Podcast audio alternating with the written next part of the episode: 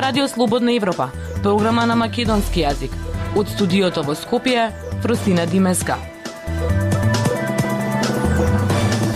Ако ЛДП излезе од оваа влада, тоа ќе значи нови избори, а не ново парламентарно мнозинство со ВМРО ДПМН, вели председателот на партијата Горан Милевски во неделното интервју на Радио Слободна Европа. Милевски, кој истовремено е министер за локална самоуправа, најавува дека пред новиот мандатар заедно со Том ке настапат со платформа која наведува дека ако ја прифати, ке продолжат да со соработка. Слушајте не.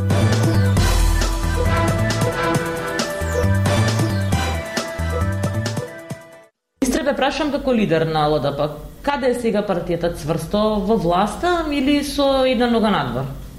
Ова прашање го разбирам бидејќи јавноста не ја разбира начинот на кој што функционираме, односно критичкиот осврт на ЛДП кон некои проблеми во државата се сваќа дека има незадоволство и ЛДП треба да напушти власта, а пак оние кои што се опозиција викаат премногу сте молчеви, премногу се прекитувате, аминувате, треба да бидете погласни, така да и едните и другите кога ве критикуваат, тоа е добро, значи ние сме го трасирале тој трет пат. Заедно со Дон сме во коалиција и имаме намера таа коалиција да ја продолжиме. Практично Во овој момент спремаме проекти, платформа со која што ќе настапиме пред новиот мандатар, доколку се прифатат нашите предлози идеи, нема никаков проблем да ја продолжиме со работката и со новиот мандатар и со новиот лидер на СДСМ. Тоа значи дека со новиот мандатар вие ќе имате нови барања на некој начин?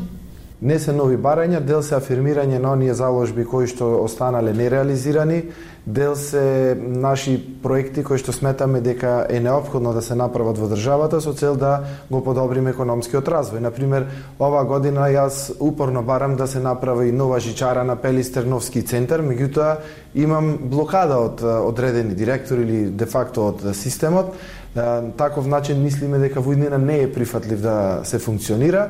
Да се вратиме на актуелниот премиер и договорот што тој го направи со лидерот на алтернатива Африм Гашик, задоволни сте од тој договор и од поделбата на ресорите во водината коалиција? Видете, тоа е договор кој што практично е направен со одредена уцена, бидејќи власта остана без мнозинство во собранието и на располагање беа или нови избори веднаш, при разнишан рейтинг на сите владеачки партии или да направиме некој компромис, коалиција со други партии за да се зголеми парламентарното мнозинство. Го искористи алтернатива и направи договор кој што зеде места кои што не кореспондираат со нивната сила на терен меѓу гласачите.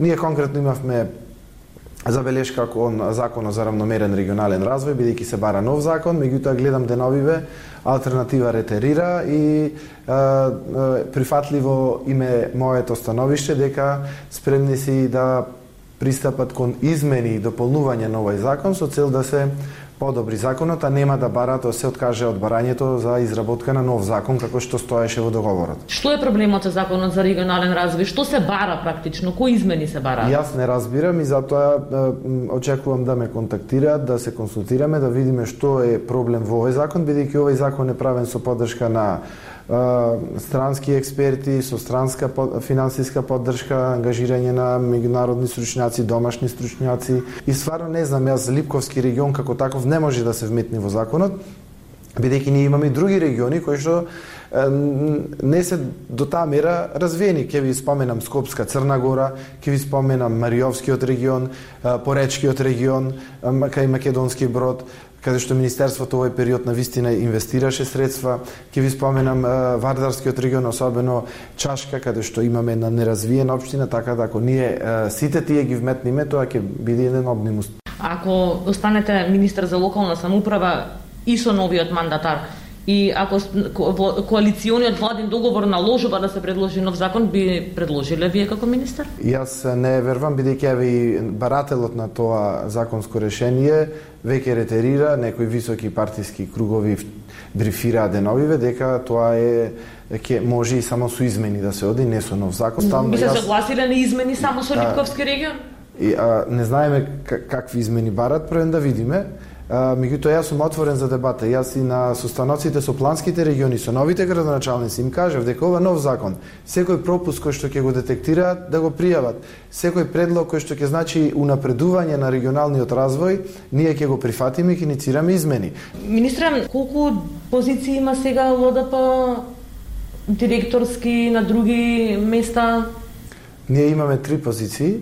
Тие се пофалија со некои бројки од 48-49 чинам, но внатре ги вклучили членови на управни одбори, раководни позиции, подрачни единици и така натаму на во локалната заедница, значи во низ градовите.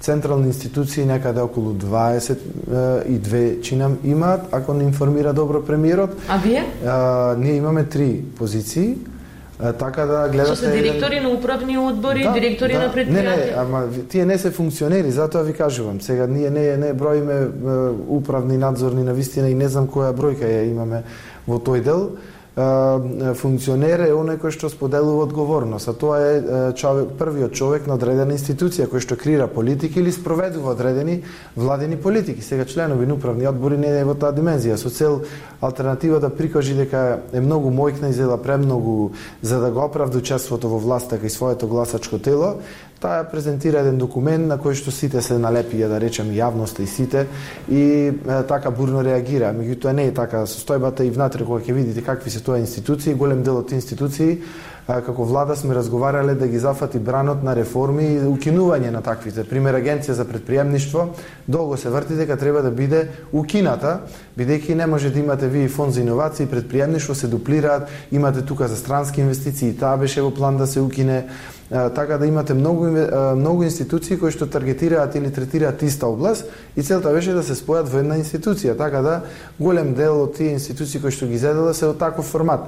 Меѓутоа сепак преовладуваат двете министерски места во владата кои што ги имаат или тежината на они дел од тие институции кои што ги зедува како ПИО, МЕПСО, дава една поголема тежина на овие на влезот на алтернатива во владата и тоа не кореспондира, повторно ќе кажам, со нивната вредност на терен меѓу граѓаните и тоа е цената која што мора да се плати доколку сакаме да оваа влада обстои ние како ЛДП никогаш не сме работеле под уцена, сме можеле, бидејќи цел овој мандат од 2017 до сега, владата де факто зависи од претениците на ЛДП и никогаш не сме се поставиле во позиција да уценуваме со нешто и мислам за нас не се својствени природни таквите уцени, затоа и на прв поглед и ги осудивме. Добро, сега владата ќе има 64 пратеници, така што ви имате двајца плюс еден од дом, повторно би останало мнозинството, нема да зависи во таа мера од пратениците. Значи, никогаш не сме оценувале, дури сега ние сме во покомотна позиција да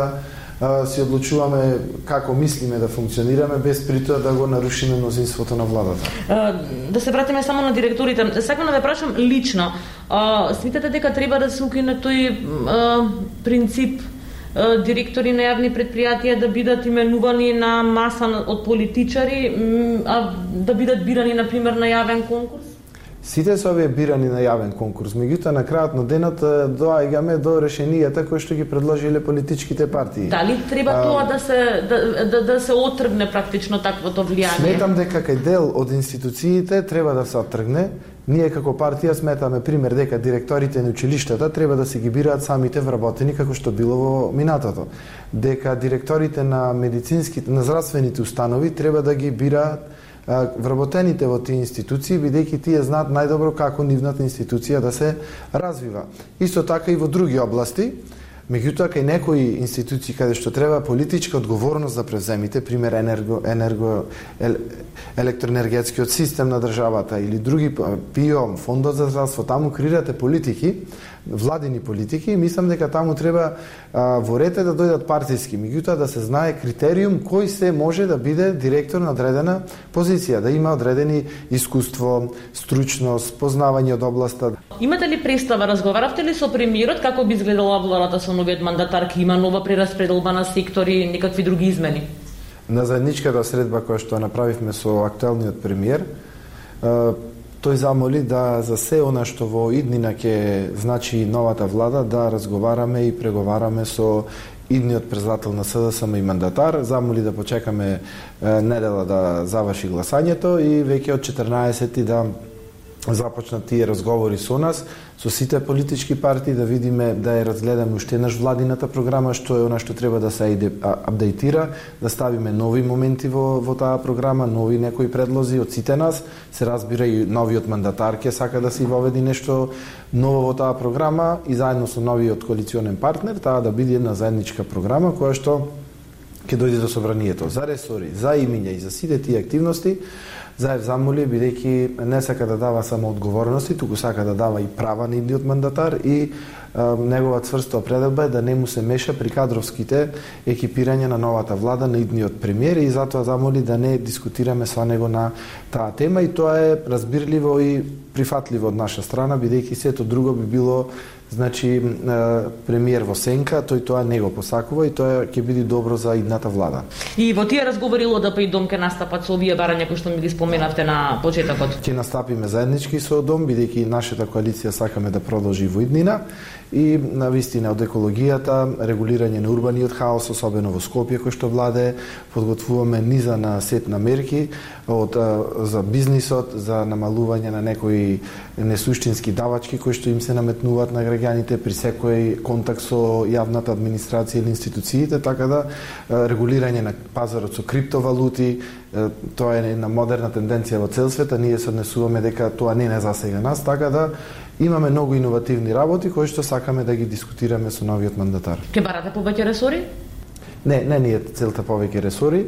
А, ја разбираме ситуацијата, целта е да ги спроведиме политиките, небитно тоа е суштината, небитно кој го води ресорот, нашите политики да се имплементираат, што не е случај за жал сега. А, министре, еден од вашите главни аргументи зашто треба да обстане оваа влада е дека треба да се почека декември да се види да се види како ќе се одвиваат македонските европски интеграции. Се уште мислите дека има можности во декември да се деблокираат интеграциите? Јас се надевам дека а, декември, евентуално до средина на јануари, е возможно а, да се деблокираат овие процеси. Премирот Заев интензивно работи, преговара. За сега, она што е на маса воопшто не е на штета на македонските интереси во рамките на резолуцијата која што ја донесе Македонското собрание. Постои една клима на расположение од бугарска страна.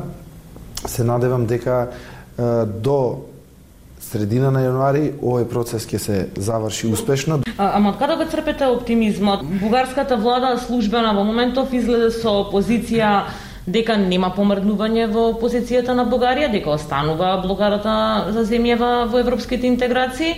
Но, новиот мандатарот Петко вели не треба да се брза, 6 месеци преговори, да се формираат работни групи. Значи, оптимизмот го црпам од председателот Макрон, кој што на вистина се вложува себе си целосно кон оваа работа и оптимизмот мислам дека доаѓа и од председателот Радев да не одам понатаму со образлагања и од тој аспект сметам дека постои можност до 15 јануари договор кој што велам ќе биде на обострано задоволство на двете страни да биде склучен. И за крај, дали разговаравте и дали разговарате за формирање на ново владино мнозинство со ВМРО ДПМН? Нивниот лидер Мицковски денови разговарајќи на новинарско прашање поврзано прашање за ЛДП, за незадоволството на ЛДП, вели разговараме со сите незадоволни од таму. Видете, ако ние излеземе од оваа влада, тогаш тоа ќе значи нови избори и одење на избори, а не креирање на ново парламентарно мнозинство, бидејќи за ново парламентарно мнозинство, како ЛДП сметаме дека од тоа треба да добиеме мандат од граѓаните, а не врз основа на политички интриги во рамките на парламентот, така да во таа насока Јас ви верувам дека ако ние излеземе од владата, тогаш владата неминовно ќе бидат одржувањето на новите предвремени парламентарни избори. А не ново мнозинство со ВМРО да помане? Не, на, на, на, за нови мнозинства, да.